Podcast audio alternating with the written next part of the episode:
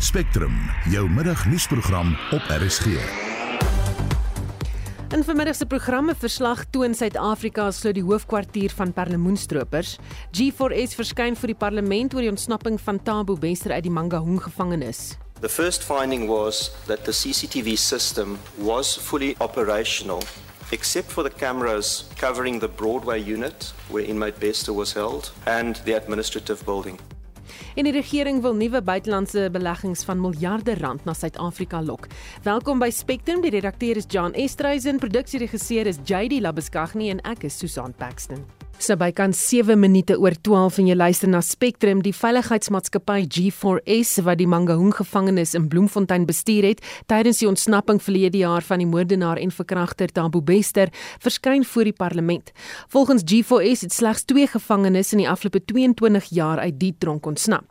Bester, sy vriendin Nandipa Magadumana en 'n Mosambiekse burger is die naweek in Arusha in Tansanië vasgetrek waar hulle vermoedelik die grens na Kenia wou oorsteek.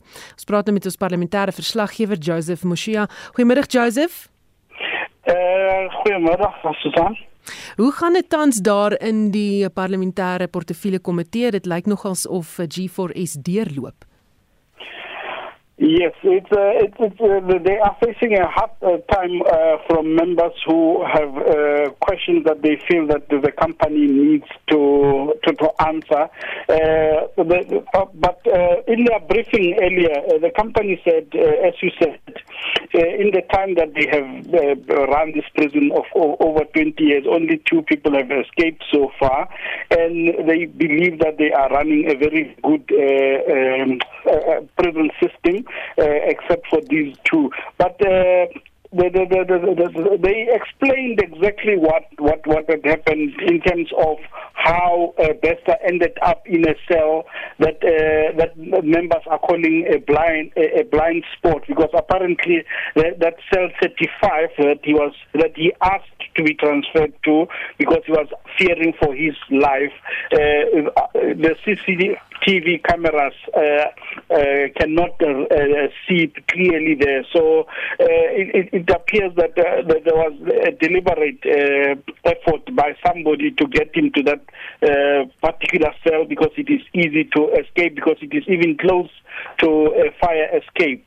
So, uh, uh, but members have been hammering on how come that, uh, that it has taken more than a year for G4S to investigate uh, some of these people. And who else uh, besides the two uh, the, the, three officials uh, have been uh, held responsible uh, and accountable for this particular escape? And they are accusing the company of trying to run away from taking responsibility for for what happened.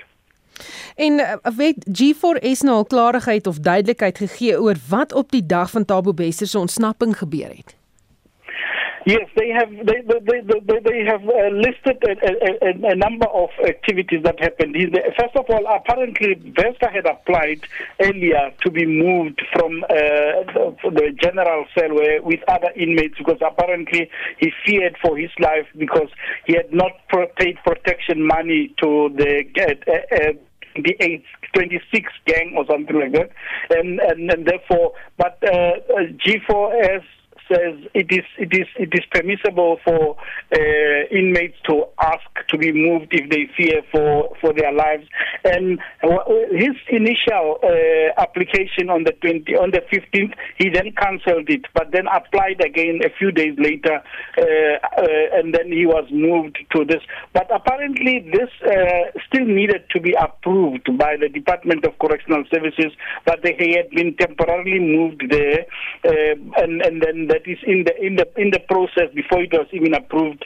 Uh, he then escaped, but uh, it looks like it was a very carefully planned uh, escape because apparently a few days uh, before uh, before Tabo's uh, escape, there was a vehicle that entered the prison unauthorized with a box, a, a, a wooden box, and it is suspected that the dead body that was found in the cell was actually carried in that in that wooden box because there is no explanation, even from the company itself, as to what uh, that uh, that what happened to that box and why it was not uh, reported at the time. Because it, the company says it was only reported to them uh, at the end of last uh, last year, and then uh, it was only then that an investigation could be started. But we know by now that it was too late when when it when they received that report.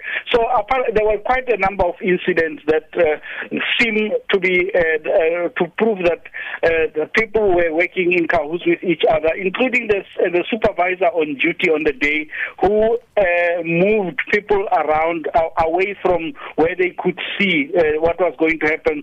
Uh, apparently, some some officials were, were moved by this supervisor, and the two controllers who were watching the T, the CCTV cameras uh, also did not uh, report seeing any movements or seeing people that and uh, seeing people uh, from that particular area where uh, he escaped from. Hmm.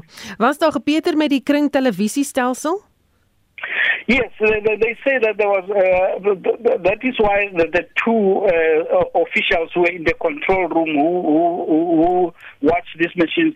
Uh, that's why they were suspended and then eventually fired because they could not explain how the the the, the the, the CCTV camera system uh, could was not working from around eight o'clock in the evening until just after four in the morning, and and they were on duty and and they did not report this. So it is it is it is it is uh, with uh, this suspicion that they were part part of this plan that they eventually got uh, fired. En dan uh, hoe het parlementêre of parlementslede eerder gereageer op die bestuur se getuienis sover? They are not happy at all. Uh, but it looks like, uh, to, to be fair to, to the company, uh, it looks like some members actually have made their minds up about what, what, had, what had happened because even questions that were clearly answered. Uh, they they kept on asking the same the same questions. Perhaps they know more than uh, what was reported. But uh, even though the, the company says they themselves do not do forensic investigations because they do not have the capacity nor the permission, uh, it is they give they gave all the information they had to the police. They said members were still asking why did you not investigate uh, uh, for for so long, and they kept on repeating that they they they cannot do forensic investigations, and that is how they could not. They do not know as, lo- as soon as they found out, for instance, that in Tabo Besta's uh, belongings there was a smell of petrol, and they immediately reported that to the, the, the police. And and the, the, other thing that they said was that uh, all the information they gave to the Department of Correctional Services, who then uh, conducted this forensic, they, they they never got any information as to uh, suspicions of, of an escape, and that, is, that, that information only arrived sometime earlier this year. Baie dankie. Dit was ons verslaggewer Joseph Moshia wat gebeure daar in die parlement dophou waar die G4S veiligheidsmaatskappy se bestuur voor die parlement uh, verskyn. Suid-Afrika is glo die hoofkwartier van perlemoenstropers. Dis volgens 'n verslag deur die organisasie Global Initiative Against Transnational Organized Crime. Die skrywer van die verslag, Alistair Nelson, sê die navorsing is gegrond op inligting oor die onwettige Suid-Afrikaanse ekonomie wat voortvloei uit sluikhandel en waar misdaadsyndikaatnetwerke oorvleuel. En volgens die verslag is onwettige sluikhandel in perlemoen of in die perlemoenbedryf al 30 jaar aan die gang. In die verslag dui daarop dat die perlemoen gebruik word om groter misdaadbedrywighede soos onwettige vuurwapens en dwelms te finansier. Ons praat met Dani Keet van die organisasie die gemeenskap teen perlemoenstroopry. Goeiemiddag Dani. Is aan lekker om weer met jou te gesels. Is jy enigstens verras oor hierdie verslag se uitkoms? Nee, glad nie. Ehm um, dit is eintlik ek wil amper sê ou nuus. Ehm um, ek dink ons almal weet wat bietjie kyk na die Pellemoenstropery veral daar in die in die Oeverbergse kus en langs die Oos-Kaapse kus weet dat dit 'n bedryf is wat ek dink sedert 2017 omtrent geweldig toegeneem het ehm um, weens 'n verskeidenheid faktore, maar ek dink die vernaamste wat hierby aansluit en wat by die verslag aansluit is die, die ekonomiese waarde wat in hierdie onwettigheid vasgevang is. Jy weet as 'n mens bietjie kyk na van die syfers ehm um, As mens net kyk na die konfiskering eerstens die die totale konfiskerings wat aangemeld word, met ander woorde wat wettig gedoen word deur een van die verskillende wetstoepassingsowerhede, is maar 5% van die geskatte totale onwettige perlemoen ehm um, wat wat jaarliks gestroop word. Dit kom neer op omtrent 3800 ton. Nou as jy dink dat die laaste wettige ehm um, kommersiële kwota vir vir, vir per, per lemoen ehm um, was in die omgewing dink ek van 96 ton, dan kan 'n mens besef hoe erg hierdie probleem is. En net vinnig om dit om te sit in in randwaarde, die geskatte waarde van onwettige per lemoenvangste in Suid-Afrika steeds 2017 beloop 5 miljard rand. Nou dit is ehm um, dit is 'n ekonomiese misdaad wat geen grense ken nie. Ehm um, en mense is baie bekommerd daaroor. Daar was vroeër die jare gesprek met die departement van bosbou, visserry en omgewingsake oor hierdie kwessie en wat het daar uitgekom? Ja, ons was van Kaapse kant af was ons betrokke as een van die uh, nuwe regeringsorganisasies by die eerste verkennende gesprek en dit is omtrent wat dit was. Dit was 'n verkennende gesprek om almal se menings te kry oor hoe erg die probleem is en wat gedoen word daaraan. Daar was 'n opvolggesprek um, skynbaar vroeg in in Maart, maar ons is nie deel daarvan nie.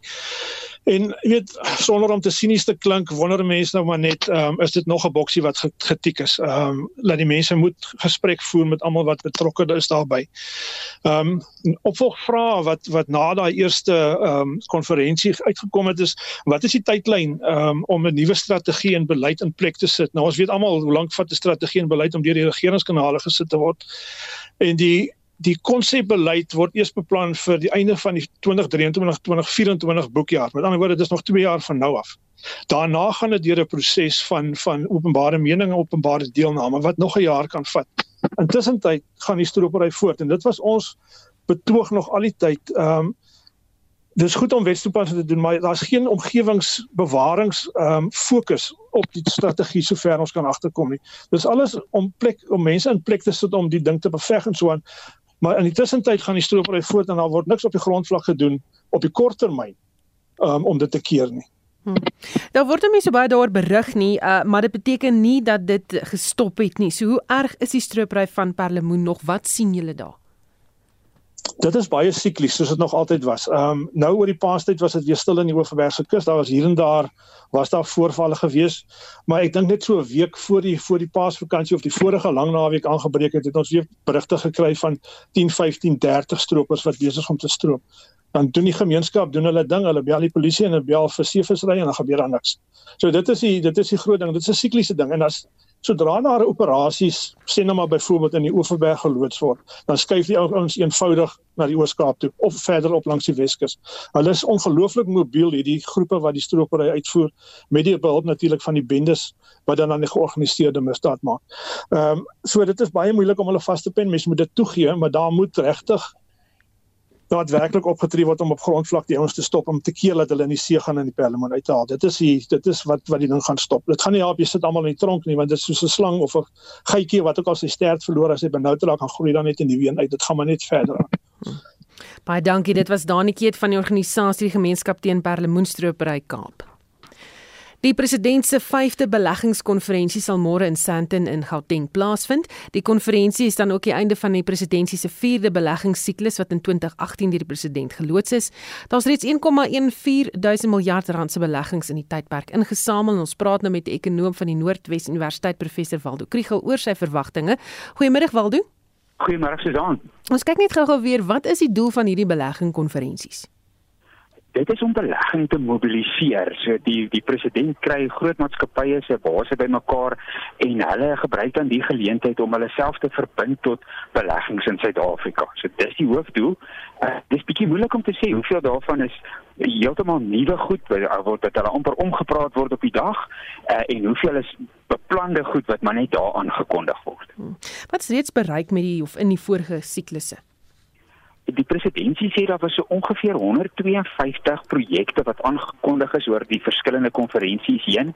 So derde daarvan is reeds afgehandel en 'n derde min of meer uh, is in proses of onder konstruksie. En dan die laaste derde het nie gerealiseer nie. So eh, nie te sleg nie. Uh maar as mens nou kyk na belegging as 'n proporsie van die bruto binnelandse produk, het dit afgeneem van omtrent 16% van BBP na 14,1% oor hierdie selfde periode. En so uiteindelik met hierdie konferensie hierdie keer wat het die president eh, voor oë wat se doelwit het hy daar? Uh, hy hy stel 'n groter doelwit vir die volgende 5 jaar. So hy hy kyk nou na na 2000 miljard rand as as die teiken. Uh, en dis baie ek dink gegee word die omstandighede op die oomblik dinge gaan swaar uh, aan die beerkragkant weet ons dit dit uh, onderbreek besigheid of om dit te oorbrug het baie ekstra koste en dan aan die verbruikers is onder druk. Uh, Almal sien hoë inflasie en hoë rentekoerse. So dis 'n moeilike tyd om mense te oortuig uh, om uit te brei in Suid-Afrika. Hmm, ek wil nou vra, sal beleggers wil belê met die onsekerheid oor krag byvoorbeeld? Uh, die onsekerheid speel 'n groot rol. Uh, Daar's nou letterlik die onsekerheid van hoe gaan uh, kragvoorsiening lyk volgende week of volgende maand. En dan is daar ook uh, die minister van elektrisiteit het hierdie week uh byvoorbeeld uh, gepraat oor die verlenging van die steenkoolkragstasie se lewe uh, wat nie regtig strook met die idee van die uh regverdige energieoorgang en meer hernubare bronne ensovoorts nie. En ek dink dit skep ook onsekerheid. Nou presies waar staan beleid op die oomblik? Hmm. En daai onsekerheid dis nie iets wat beleggers wil hê nie. Nee, nee, die oomblik dink ek as as dit onseker lyk vir die toekoms, dan wag hulle eerder 'n bietjie en sê ons het nou hier pot geld, uh, maar ons kan kyk na ander bestemmings of ons kan letterlik net 'n jaar wag en en kyk wat gebeur en dan besluit of ons hierdie belegging wil maak.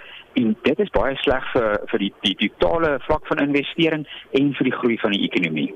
Waar spesifiek gaan jy 'n oog hou?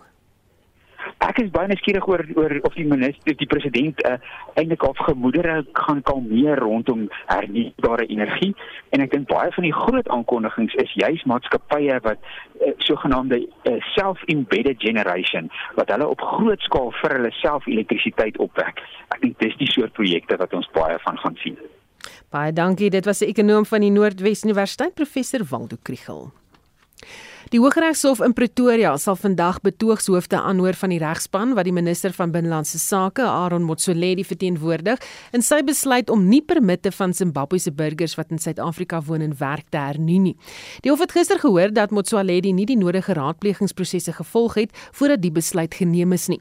Die ZEP is 'n spesiale permit wat uitgereik word in gevolge die immigrasiewet wat Zimbabwese burgers en hulle kinders tydelike wetlike status gee om in Suid-Afrika te mag woon en werk. Die Helen Suzman Stichting het die hof gevra om Motsoaledi se besluit as onwettig, ongeldig en ongrondwetlik te laat verklaar. Advokaat Matthews Mojapelo namens die vragmotorbestuurdersforum het die volgende argument in die hof voorgehou. Minister did not have the power to grant the exemption. He did not have the power now he, he proposed to extend. He does not have those powers. What the other applicants are seeking, we will submit is an extension of this illegality as the minister does not have the power. Nou uh, ons praat met ons verslaggewer wat die hofverrigtinge vir ons uh, dophou, dis Zoleka Kodashi. Good afternoon Zoleka. Good afternoon Suzanne and good afternoon to the listeners. So what are the main arguments of the minister then? Well, the minister essentially is being represented by advocate Ishmael Jamie, who has essentially advanced a couple of arguments before the High Court in Pretoria. And he says that essentially, if the court is to grant the um, the relief sought by the Helen Suzman Foundation of extending the grace period that the minister had initially afforded, and we know that was about about 18 months. Um, if the High Court is to extend that by a further 18 months, then that would essentially amount to three years. Um, yesterday, the Helen Suzman said that the Director General had asked the minister that there be a three-year extension. Um, but essentially, what Advocate Jamie is saying that um, this would be impermissible um, in terms of the separation of powers principle. He says that the court can only, in exceptional circumstances, um, grant a substitution order. And so a substitution order is when a court um, kind of overrides what has been said by a different arm of the state. Um, and so in this uh, particular instance, it would be the executive um, in the decision that it took, and saying that um, in only in only only in um, exceptional circumstances that can that happen. And if you remember, Suzanne, the Arthur Fraser case in the Supreme Court of Appeal, where the court did not send the matter back to the con- commissioner because it's likely that the con- conclusion would have been the same, is the same um, principle that applies. And so it is only in exceptional circumstances um, that would prompt the court to override a decision that has been taken by a different arm of state um, so as to keep the separation of powers. But he was also saying that, well, um, the minister has no qualms with the argument presented by Advocate Stephen Butlander, who represented the Helen Suzman Foundation yesterday, and COMSA, saying that if the minister is going to be taking away rights, then there must be adequate consultation with the people affected. Um, but he argues that this is not the applicable legal principle in the context of the case. He says that um, the Helen Suzman Foundation and COMSA did not take into consideration what the decision was and what the implications of that decision were. Um, he says, in fact, the minister didn't take away rights, he instead conferred the rights, um, and that the decision of the minister passes muster on the proper and judicial scrutiny um, once yeah. the decision is properly understood. Tell me, Isoleka, when will the arguments be concluded? Well, we're expecting arguments to be um, to continue throughout the week um, as well as tomorrow. We know that there will be representations made tomorrow as well. Um, but um, conclude, everything will be concluded with hearings and submissions as well as responses by Friday. Baie dankie ons gepraat met ons verslaggewer Zoleka Kodashi. Ons bly by die storie en praat nou met die menseregte prokureur Richard Spoor oor die menseregte kwessies wat hier ter sprake is. Goeiemiddag Richard. Goeiemôre Susan. Die Helen Suzman Stichting vra dat die hof moet Swanledi se besluit irrasioneel en ongrondwettig moet verklaar. Stem jy saam? Ja, ek dink hulle maak 'n baie sterk saak vir die tersydestelling van daai besluit om die uh, permit um, te beëindig. En die impak is is verskrikend. So 180 000 persone wat nou die laaste 10, 13 jaar hier is Hulle het families, hulle het huise, hulle het besighede, Here, hulle het werk. En op 'n slag wil die minister al daai persone en hulle kinders terugstuur Zimbabwe toe. Hulle hier onwettig verklaar en hulle terugforceer na Zimbabwe. Dit is uh, dit is ondenkbaar dat so iets kan gebeur. Die impak op die lewens van hierdie persone, op hul kinders wat studeer, wat op skool is, ehm um, is is is verskriklik. Ehm um, die grondwet ehm um, weet jy hulle gaan hulle besighede verloor, hulle huise verloor, hulle pensioene, hulle werk. Ehm um, families gaan opgebreek word. Uh van hulle van hulle het Suid-Afrikaners getrou. Hulle bly dan hier, moet die man of die vrou teruggaan Zimbabwe toe ehm uh, die kinders omdat hulle nou onwettig is gaan uh, toegang tot gesondheidsdienste, skooldienste, maatskaplike dienste geweier word. Uh hulle ouers gaan hulle werk verloor en hulle gaan in armoede gedompel word.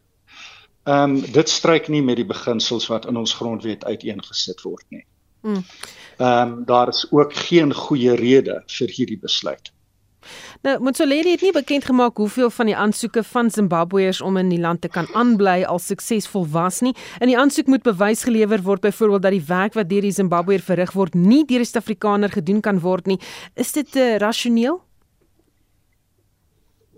Dis omtrent onmoontlik om te bewys. Ehm um, so wat hulle eis vir 'n werksvisum is 'n sertifikaat van die, wat deur die departement van uh, Home Affairs verskaf moet word wat sê daar is geen Suid-Afrikaner wat hierdie werk kan doen nie.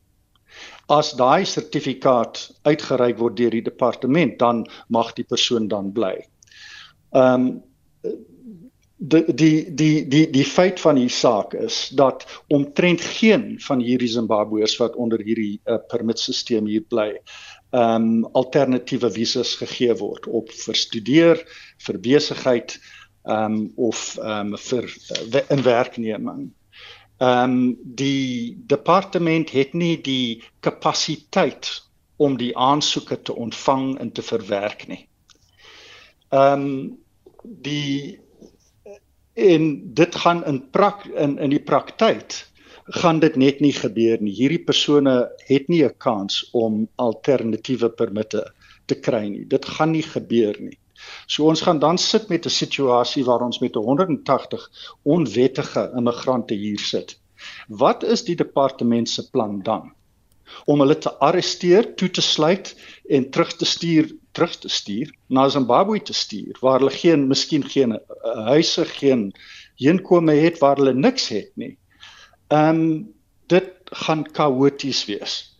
Jy weet ons weet hoe werk die departement Home Affairs hier op die grond. Hulle ehm um, dit is 'n korrupte instelling. Ehm um, onwettige immigrante bly hier soos hulle wil. Hulle moet net ehm um, betalings maak aan die offisiere van die departement. Ehm um, weet jy dis 'n korrupte spul. Ehm um, en en hulle wil nou hierdie 180 000 mense wat wetlik hier is onwettig verklaar. Ehm um, dit gaan hulle blootstel tot ehm um, uh tot verskriklike goed soos ehm um, uh, hulle kan hulle gaan uitgebuit word deur werkgewers want hulle is onwettig. Hulle gaan uh polisie en beamptes moet uh um, bribes betaal. Ehm um, dit gaan gevolg hê dat um, menslike trafficking, human trafficking gaan plaasvind en dit gaan 'n situasie skep waar ons met amper 200 000 persone ja. sit wat heeltemal onwettig in hierdie land is. Dit is dit, jy kan nie dit is dit dit is nie dit is omtrent onmoontlik om te glo dat dit die plan is van die departement. Hulle het niks deurdink nie. Hm. Ehm um, en daar is geen basis hiervoor nie. Daar is geen rede hiervoor. Dit is nie dat die Zimbabweërs ehm um, as hulle weg is gaan dit ehm um, bydra tot 'n vermindering van ehm um, weet jy werkloosheid. Hulle is so 'n klein persentasie, dit maak omtrent geen verskil. Inteendeel gaan die land se ekonomie benadeel word deur die ehm um, onwettig maak van hierdie ehm um, wettige uh, persone wat hmm. heel wat bydra tot ons ekonomie. Ja. Dit gaan net negatiewe impak te hê op die Suid-Afrikaanse ekonomie. Dit gaan niks vir ons verbeter nie. Baie dankie het gepraat met die menseregte prokureur Richard Spoor. Jy luister na Spectrum. Op RSG. Later in die program Action SA gaan voort met sy mosie van wantroue in die burgemeester van Johannesburg. But we have been quite worried with the lack of service delivery on the ground. And I think the recent interview was really a confirmation of our concerns. Die Amerikaanse president Joe Biden is op staatsbesoek aan Ierland. Ons berig daaroor so bly ingeskakel. Op sosiale media is die hitsmerke Eskom Stage 5 en Minister of Electricity baie gewild, maar mense praat veral oor G4S, die sekuriteitsmaatskappy wat aan die stuur staan van sake by die Mangaung gevangenis in Bloemfontein waar uit die veroordeelde moordenaar en verkragter Tabo Bester ontsnap het in G4S verskyn vandag voor die parlementêre komitee. En ek sien die DA se Glenis Breitenberg het gevra hoe Bester ontsnap het. En daar's gesê dat dit deel uitmaak maak van die polisie ondersoek. Hmm, en G4S wat behoorlik sweet onder die vrae ek so kyk na die televisiebeelde daar. Ons uh, aan die ander kant praat oor drukkies en of uh, jy iemand sal betaal om vir jou 'n drukkie te gee want jy voel jy kort 'n drukkie.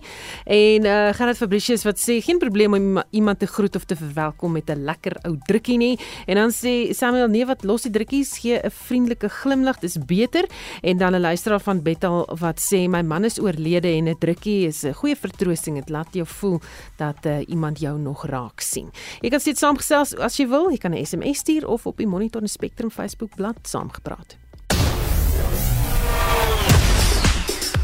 Spraak nou met Udo Karelse vir die jongste sportnuus. Goeiemiddag Udo. Middag Susan. Ons begin met sokker waar Manchester City seker een van die beste aanwinste ooit gemaak het met die aankoop van die doelskieter van Noorwe Erling Haaland. Absoluut. Haaland het uh, gisteraand sy derde doel aangeteken om sy span 'n 3-0 oorwinning te gee in die eerste been van die UEFA Kampioenligga kwartfinalestryd teen Bayern Munich. Dit was ook sy 45ste doel wat ook nou die nuwe rekord is vir 'n uh, Engelse Premierliga speler in 'n enkele seisoen. In die aand se ander wedstryd gaan uh, die voordeel nou aan Inter Milan van Italië wat Benfica van Portugal 2-0 getroof het. In vanaand se aksie is Real Madrid tuis teen Chelsea terwyl AC Milan Milan dit sal uitsport teen Napoli. Albei wedstryde begin 9 uur vanaand. Al ons topswemmers kom van vandag af in Kebega aan die Ooskaap vir die nasionale kampioenskap by een wat se jongste nuus daar.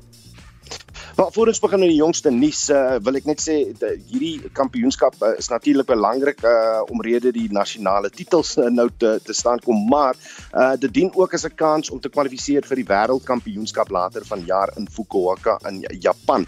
Nou ses individuele uh, finale word vanaand na 5 uur beslis in die Newton uh, Park swembad in Kleiberga hier onder die mans en dames 200 meter meter vryslag, die mans en dames 100 meter borsslag en dan die mans en dames 100 meter rugslag. Nou, Amy Kenny het vanoggend in 'n tyd van 1 minuut 58.22 sekondes vir die dames 200 meter vryslag gekwalifiseer. Dis nou vir die wêreldkampioenskap met haar oorwinning in die uitdinne en ons Statebond spele goue medalje wenner eh, Pieter Kotse het sopas sy 200 meter rugslag uitdinne afgelewer waar hy ook met 'n tyd van 53.1818 sekondes vir die wêreldkampioenskap gekwalifiseer het. Vandag is ook die goue seun Chad Leclerc se 31ste verjaarsdag, maar hy is eers môre in die swembad te sien in die uitdan vir die mans 200 meter vlinderslag.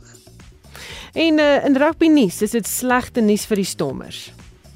Ja, presies want hulle sal moet klaarkom sonder die dienste van die flanke Dion Fourie wat 2 weke terug sy oogkas teen Harlequins gebreek het. Uh dis nou in die Kampioene beker uh die die kompetisie. Stomme speel hierdie naweek in die Verenigde Rugby Kampioenskap teen Munster en so gepraat van Munster, die slot RG Snyman is deel van die 31 man spelersgroep wat Suid-Afrika toe vlieg vir die wedstryd. Dit sal goed wees om te sien of hy al sy beseringsprobleme agter die rug het, want hy is beslis een van daai spelers wat nog in aanmerking kan kom vir die bokse wêreld beker span later vanjaar. En net 'n vinnige cricket nuusbrokkie. Uh vandag speel die Chennai Super Kings teen die Rajasthan Royals, dis nou in die IPL. Sisale Magala speel natuurlik vir Chennai terwyl die uh, Titan veelsidige speler Donovan Ferreira in die Royals se spelersgroep is, maar hy soek nog 'n geleentheid om te speel. Albei spanne kan na vandag bo op die punte leer eindig met 'n oorwinning. Die wedstryd begin 4 uur vanmiddag. Klink intussen vir my of daardie stormers een van hierdie drukkies kort wat so aangebied word. Dit was ons kollega Oudo Karelse van ons sportredaksie. Spectrum, jou middagnuusprogram op RSG. Hy sê bykans 20 minute voor 1 die Johannesburg Metro is weer in chaos gedompel na 'n katastrofiese onderhoud deur die burgemeester Tapelo Amat op Morning Live. Tapelo het verwys na 'n privaat lening van 9,5 miljard rand wat gebruik sal word om dienslewering in die stad glo te verbeter. Amat kon nie presies die besonderhede van die lening verduidelik nie wat net tot meer vrae deur die aanbieder Sakina Kamkwendo gelei het en die burgemeester met eier op sy gesig gelaat het. Daarna die leier van die Patriotic Alliance, Gayton McKenzie op Twitter uitgevaar teen Amat se optrede en stellings en gesê hulle moet erken dat hulle die verkeerde kandidaat ondersteun het en 'n mosie van wantroue teen hom sal instel. Die politieke kommentator van Akademia, professor Pieter Dievenage, gesê sy voorspelling hieroor word nou waar. Wel die jongste verwikkelinge is my baie interessant. Ek het voorheen voorspel dat die ANC EFF koalisie in die Johannesburgse metro wat natuurlik deur die PA, die Patriotiese Alliansie van meneer Gayton McKenzie moontlik gemaak is, dat hierdie alliansie nie lank sal hou nie. En nou lyk my is daar roeringe in die sin dat die ASA wil 'n mosie van wantroue in die burgemeester meneer Tapelo Ahmed instel sowel as die speaker Colleen Makubele en die mosie van wantroue gaan lyk my nou deur die PA gesteun word. So dit bring alles nou in 'n baie interessante konstellasie, as ek dit so stel. Die mosie van wantroue is gister aangekondig en dit gaan blykbaar op die 25ste April gaan dit besleg word. Ek sien dat, jy weet, Gautam McKenzie sê dat as die Patriotic Alliance het hulle hom gehelp verkies en dan nou ook op Twitter wat hy dan nou sê, maar ons moet die mense eers stel en dan nou erken as ons die verkeerde kandidaat ondersteun het. Dis nou nogals uh, ernstige ding om van jouself te sê so op 'n openbare platform. Ja, die probleem is net 2 maande terug het die PA presies die teenoorgestelde gesê. Toe die PA gesê maar die verkeerde perd was die DA koalisie en nou gaan ons oor na hierdie ANC EFF koalisie toe met hierdie tipe marionet kandidaat Tapelo Ahmad wat dan die weet die en hy is van die Al Jamaa party ek dink daar's een of twee verteenwoordigers in die Johannesburgse metro. Hy toe die burgemeester geword en die PA was heeltemal daarvoor te vind. Hy was toe die regte perd om jy weet agter te jy weet jou geld op te sit En nou ewe skielik 2 maande later is dit nou weer anders. Nou sê hy die verkeerde perd. En dit vra die groot probleem vir my in hierdie hele ding is eintlik maar die PA, want as die PA gebly het by die ou DA koalisie, dan was die stad nou baie meer stabieler en was die meerderheid aan die koalisie se kant gepraat van die PA, hulle optrede hierso, hmm. dink jy dit gaan hulle dalk in die komende verkiesing duur te staan kom? Ek dink hulle dalk van hulle kiesers die terugvoer gekry maar ons het vir julle gestem om nie 'n alliansie met die ANC aan te gaan nie en nou het julle. So ek dink daar was maar interne striwelinge. Ek dink ook die koalisie tussen die ANC en die EFF is op enige gegeewe dag 'n baie moeilike ene en dan sit jy met die marionet burgemeester Tapelo Ahmad en dan sit met die speaker wat vanaf uh, weet by Kopus, Colleen Makabele. So hulle is op die voorgrond van kleiner partye en in die agtergrond is daar die ANC en die EFF en uiteindelik as jy kyk na die burgemeesterkomitee dan is die uh Dada Morera van die ANC het die belangrike finansies portefeulje. Hy sit agter die skerms en hy het eintlik die mag. Nou so 'n koalisie wat net so op belange, uh, brute belange saamgestel is, dink ek het nie baie sterk kans van oorlewing nie. En dan is die meerderheid wat hierdie uh sogenaamde ANC EFF koalisie met 'n paar kleiner partye en die PA het baie min. Jy weet daar is um, 270 lede in die Johannesburgse metro en um, jy moet dus 'n uh, meerderheid hê van so 135 en in hierdie stadium het hierdie koalisie met die PA se steun nie veel bo 135 136 nie. Ons praat nou van die onstabiliteit in die metro. Wat is die onstabiliteit? Wat is die uitvloeisels van wat daar in die burgemeesterskomitee gebeur? Weet jy die groot probleem en dis bietjie anders as as Pretoria en Tshwane wat nou ook terug is na die DA koalisie toe is dat jy sit met die PA hier in Johannesburg wat die sogenaamde koningmaker is. Nou as daar 'n mosie van wantroue sê maar op die 25ste April ehm um, behaal word uh, deur die ASA, dan kan die DA dalk weer 'n koalisie vorm met die PA daar binne, maar die vorige keer het dit skeef geloop. En dit is die onstabiliteit in die burgemeesterskomitee in die hele metro van Johannesburg dat beide koalisies of dit nou na die ANC EFF kant gaan of meer na die DA SA of Action SA kant toe dat beide het bitter min meerderhede. Jy weet die minderheid is of die meerderheid is baie dun en is baie klein. En dan het 'n party soos die PA wat uh, uiters vreemd optree, het die vermoë om te besluit wie gaan die burgemeester wees, wie gaan die speaker wees en so aan. Ek dink as die PA nou meer beginselvas wil word en hulle gaan nou weer terug na Action SA en DA, dan sal daar 'n behoorlike kontrak moet opgestel word. En dit was eh, professor Pieter Dievenage, politieke kommentator van Akademia. Die Amerikaanse president Joe Biden het in Belfast geland vir die begin van sy 4-dag staatsbesoek aan Noord-Ierland.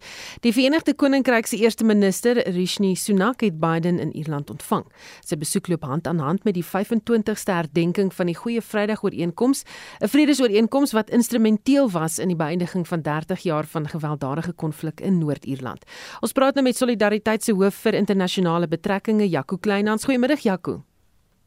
Goeiemiddag Susan. Hoekom is Biden se besoek aan Noord-Ierland so belangrik? Ja, kyk Amerika het in 1997 en 1998 'n belangrike rol gespeel in die vredesonderhandelinge. As mens teruggaan na die 90s, uh, is daardie tydperk natuurlik gekenmerk deur die grootskaalse geweld in Belfast en die res van uh, Noord-Ierland. Meer as 3000 mense is dood in hierdie geweld en president Bill Clinton het op daardie tyd stip een van sy senior senators gestuur uh, om te help met die onderhandelinge vir vrede. Dit was George Mitchell. Um, en uiteindelik het die Amerikaners gesê dat hulle uh, 'n belangrike rol gespeel het uiteindelik in die ondertekening van die Goeie Vrydag ooreenkoms op uh, 10 April 1998. Ehm um, en ek dink wat Joe Biden wil probeer sê uh, vandag daar, hy gaan vanmiddag 'n toespraak lewer, ehm um, is dat Amerika steeds 'n rol kan speel uh, om uh, vrede in die wêreld ehm um, moontlik te maak soos wat hulle 25 jaar gelede in Noord-Ierland gedoen het. So hy gaan samesprekings voer met Sunak en uh, politieke leiers van Ierland. Wat anders of watter ander tipe kwessies sal hulle dan ook daar bespreek? Kyk die die goeie Vrydag ooreenkoms verkeer tans in 'n redelike krisis. Uh een van die uh hoofpunte van die ooreenkoms 25 jaar gelede was 'n magdelingsooreenkoms. Met ander woorde dat die uh Katolieke Republikeine wat pro-Iers is en die Unioniste wat Protestants en pro Verenigde Koninkryk of pro Brits is dat hulle saam 'n regering sou vorm. En daardie ehm um, regering is uh, uiteindelik uh, op saamgestel by Stormont in in Belfast. En eintlik vir 24 jaar ehm um, was daar 'n groot mate van selfregering gewees. Maar net meer as 'n jaar gelede verlede jaar het die Demokratiese Unioniste Party onttrek hierdie regering. So eintlik al vir meer as 'n jaar sien 'n mens dat hierdie regering in Belfast nie behoorlik funksioneer nie. En ons sien ook weer op 'n klein skaal geweld uitbreek. Daar was verlede week 'n geval waar 'n polisiemotor aangeval is. Daar was baie dreigende optogte en so aan die afgelope dae gewees, beide deur die uh, Katolieke Republikeine en die Protestante uh, uh, pro-unioniste. Uh, um, en en dis uh, uh, geskied dit alles in 'n tyd waar waar daar eintlik vrees is dat die geweld weer kan uitbreek. So ek dink ver oggend se gesprek met Rishi Sunak in Belfast het hoofsaaklik hier op gefokus. Uh op hoe kan 'n mens seker maak dat daar by die goeie Vrydag ooreenkoms gebly kan word. Dieselfde dink ek met die gesprekke wat hy met die politieke leiers daar sal hê. Nou dit alles het natuurlik met Brexit te maak en nou die die die krisis van die afgelope jaar of 2 uh is weens die uh, Bre uh, uh Brittanje se onttrekking uit die Europese Unie en die hele vraagstuk oor hoe douane kwessies tussen Ierland en Noord-Ierland hanteer moet word. Ierland natuurlik deel van die Europese Unie, Noord-Ierland is nie deel van die Europese Unie nie en nie een van die twee wil eintlik 'n harde grens uh sien te, wat wat op opgestel moet word nie. So, daar's 'n redelike uitdaging. Ek dink Biden sal graag wil uh, vanaand wil uh, vertrek na Ierland van van Noord-Ierland af en sê daar is vordering gemaak. Baie dankie het gepraat met Jaco Kleinhan, solidariteit se hoof vir internasionale betrekkinge. Die petrolprys gaan dalk in Mei beduidend styg. Die jongste inligting van die sentrale energiefonds dui op 'n onderverhaling van tussen 63 en 70 sent per liter petrol. Ons praat nou met die ekonom van Sequoia Capital Managers, Chris Harmse. Goeiemôre Chris. Môre Susan. So, hoekom gaan die petrol styg? Ek dink op hierdie stadium uh, beide faktore. Uh, ons weet dat die Opel-lande, dis die olieprodusente uitvoerlande, het so 3 weke gelede 'n besluit geneem dat hulle hou nie daarvan dat die olieprys neig na uh, 70 dollar afvat nie. En hulle wil graag hulle voorraad beperk. Hulle mikpunt is 100 ag uh, 'n uh, ten minste 90 dollar afvat in die volgende in die volgende 'n uh, maand of so. Hulle het dit ook al reg gekry en sedert daai vorige brandstof vaststelling van so 2 weke gelede wat hulle die data gebruik het die sentrale energiefonds het ons gesien dat uh, olie het vanaand hier van ongeveer 76 dollar vat na vandag so 85 dollar gestyg en dit is op pad na die 90 dollar. So dis een faktor. Dit het definitief 'n uh, effek dat ons nou ehm um, also op petrol so 96 sent tussen 90 en 96 sent uh, onderverhaal is en op diesel gelukkig nog so 27 sent oorverhaal maar ek bevrees dit gaan nou dag vir dag gaan dit verander. Dan die ander ding is natuurlik die verandering in die wisselkoers. Uh die verwagting tot gister was dat die uh wisselkoers nog gemiddeld van so uh R18.25 sou wees. Ons het gister gesien die wisselkoers is R18.34 En as ek vandag so na daai rand kyk, uh sien ek hy is hier al op R18.42. So elke dag wat die rand bo 18.42 is of 18.34 dan die gemiddeld en elke dag dat die olieprys net nou bo so ek dit lyk my as ek so kyk so 84 dollar is, dan kan ons verwag dat hierdie onderverhaling uh gaan natuurlik nog groter word. In tereg soos jy sê 70 77 sent op petrol 93 78 sent op petrol 95 ons is dan nog op diesel so 45 sent uh um uh oorverhaal. Uh so ek hoop maar net vir die boere en ander groot gebruikers van diesel dat die prentjie nie gaan verander nie. Baie dankie. Dit was die ekonom van Sequoia Capital Managers, Dr. Chris Harmse. Vermiddag se sake nuus word aangebied deur Robert Cameron, hy se portefeuljebestuurder by Fisher Dugmore Sekuriteite. Goeiemiddag Robert. Goeiemôre Susan, goeiemôre luisteraars. Ja, ons plaaslike mark is effens swakker vandag en is dan uh, in afwagting op 'n uh, inflasie syfer uh, uit Amerika wat uh, vir Maart bekend gaan uh, gemaak gaan word uh, later vanmiddag. Uh die syfer gaan dan grootliks bepaal of die Federale Reserve uh, Reserve Raad van daardie land verder uh, rentekoerse gaan verhoog. Uh die indeks vir alle aandele op hierdie stadium verloor so 0,2% of 120 punte die top 40 indeks ook so 0,2% swakker. Die Hulbron indeks uh, basies onveranderd op hierdie stadium. Die Navrats indeks uh, swakker met so 0,3% en dan ook die finansiële indeks uh, onveranderd op hierdie stadium. Ons kyk na enk enkele aandele Prosus, hy is swakker met so 2,4%, uh, R1341. Naspers verloor so amper 2%, R3112. MultiChoice af met 2,2% uh R112.50 Old Mutual verloor so 5,8% uh maar dis dan ook 'n uh, ekstra dividend vandag. Aan die wenkant sien ons uh, Mr Price uh sterker met so 1,7% R150.30 en dan Glencore verbeter so 1,6% Hy is op 109 rand. Uh die wisselkoers het die rand verloor effens val vandag R18.42 teenoor die Amerikaanse dollar, R20.13 teenoor die euro en 'n Britse pond kos jy tans R22.87.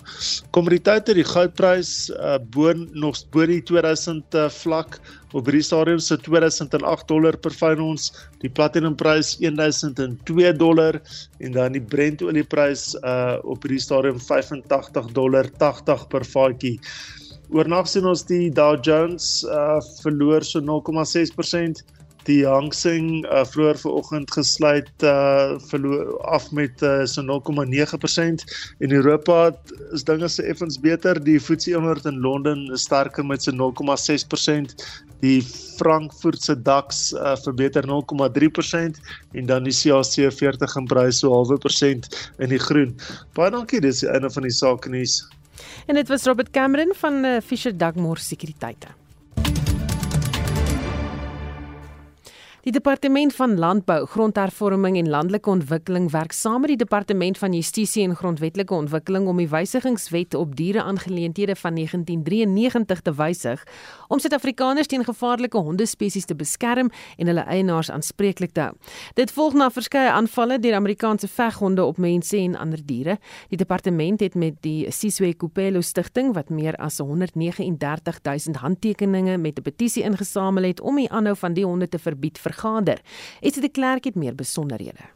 Die wysigings wat deur die departement en ander partye voorgestel word, sluit in spesifieke klousules wat handel oor skade wat deur diere aangerig kan word in hondeaanvalle en dit is nie net van toepassing op Amerikaanse veghonde nie, asook klousule wat handel oor die teel en genetika van honde, sê die departement van landbou se direkteur van diereproduksie, Joel Mamabolo. There are a number of steps that have been dealt with.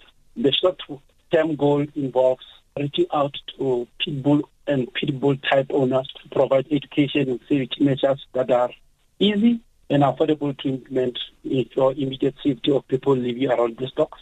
The second matter, uh, which is a medium-term goal, involves educating the public and the people for to promote responsible dog ownership. And of course, the long-term goal includes comprehensive DNA analysis to assist the department with the correct identification of problem animals unique to South Africa. Mama Bolo sê die departement bestudeer tans DNA-ontleding van Amerikaanse veghonde om sodoende moontlike probleemdiere wat uniek is aan Suid-Afrika te kan identifiseer. Hy sê daar is geen sekerheid of die honde wat mense en ander diere aanval opreggeteelde Amerikaanse veghonde is of aan die spesies verwant is nie. What we need to achieve is firstly the question is are we sure that the animals that are causing damage are the people? This is because we have problem of indiscriminate crossbreeding of tour dogs with the pitbulls.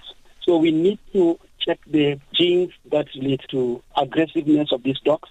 We need to also deal with behavioral mechanism within these dogs.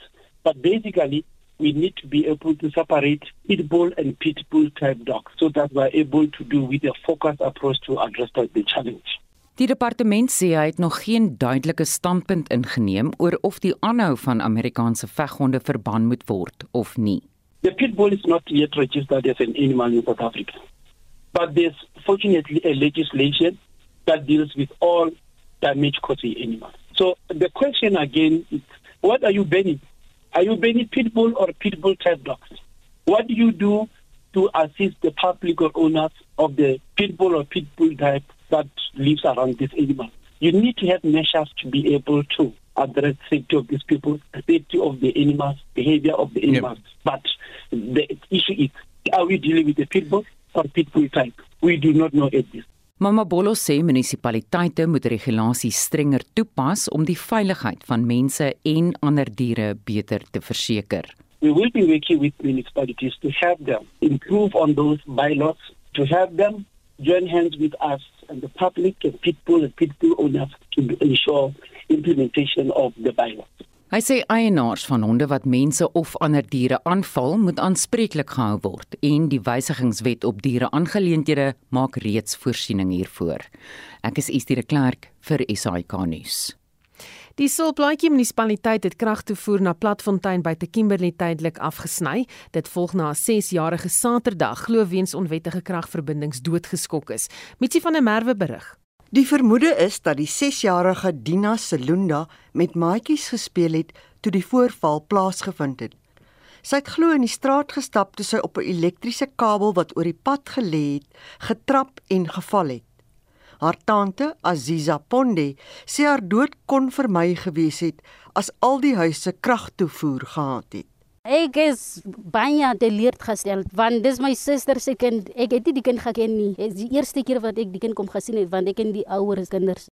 Inwoners sê Dina is die vyfde persoon in die gemeenskap wat doodgeskok is weens elektriese kabels wat in die strate rond lê.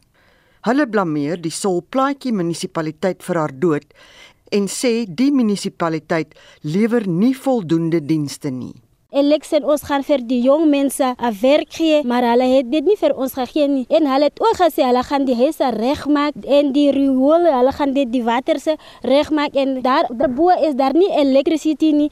Kyk Khalasho, hoe lyk Khalasho en pe platform hoe lyk platform en promised land, hoeveel daar is no promised land en dan platform daar 2003 tot nou, daar 2023 en dat ons gaan vergeet tot nou af, laat nooit dink dit se reg gaan maak.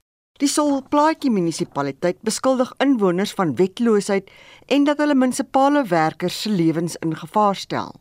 Die woordvoerder, Tokorit, sê munisipale werkers is gedreig en byna aangeval toe hulle probeer het om onwettige verbindings te ontkoppel. The electricity in Plantfontein remains off. The safety of our employees is important as well. Once the situation in Plantfontein has come down, our electricians will come through to restore power and to conclude the investigation regarding the incident that took a young girl's life. Die polisie doen 'n geregtelike doodsondersoek. Dina sal na verwagting die naweek te ruste gelê word. Karabo Siyoku het hierdie verslag in Kimberley saamgestel. Mitsi van der Merwe, SAK nuus. En daarmee groet die Spectrum span. My naam is Susan Paxton. Geniet jou middag.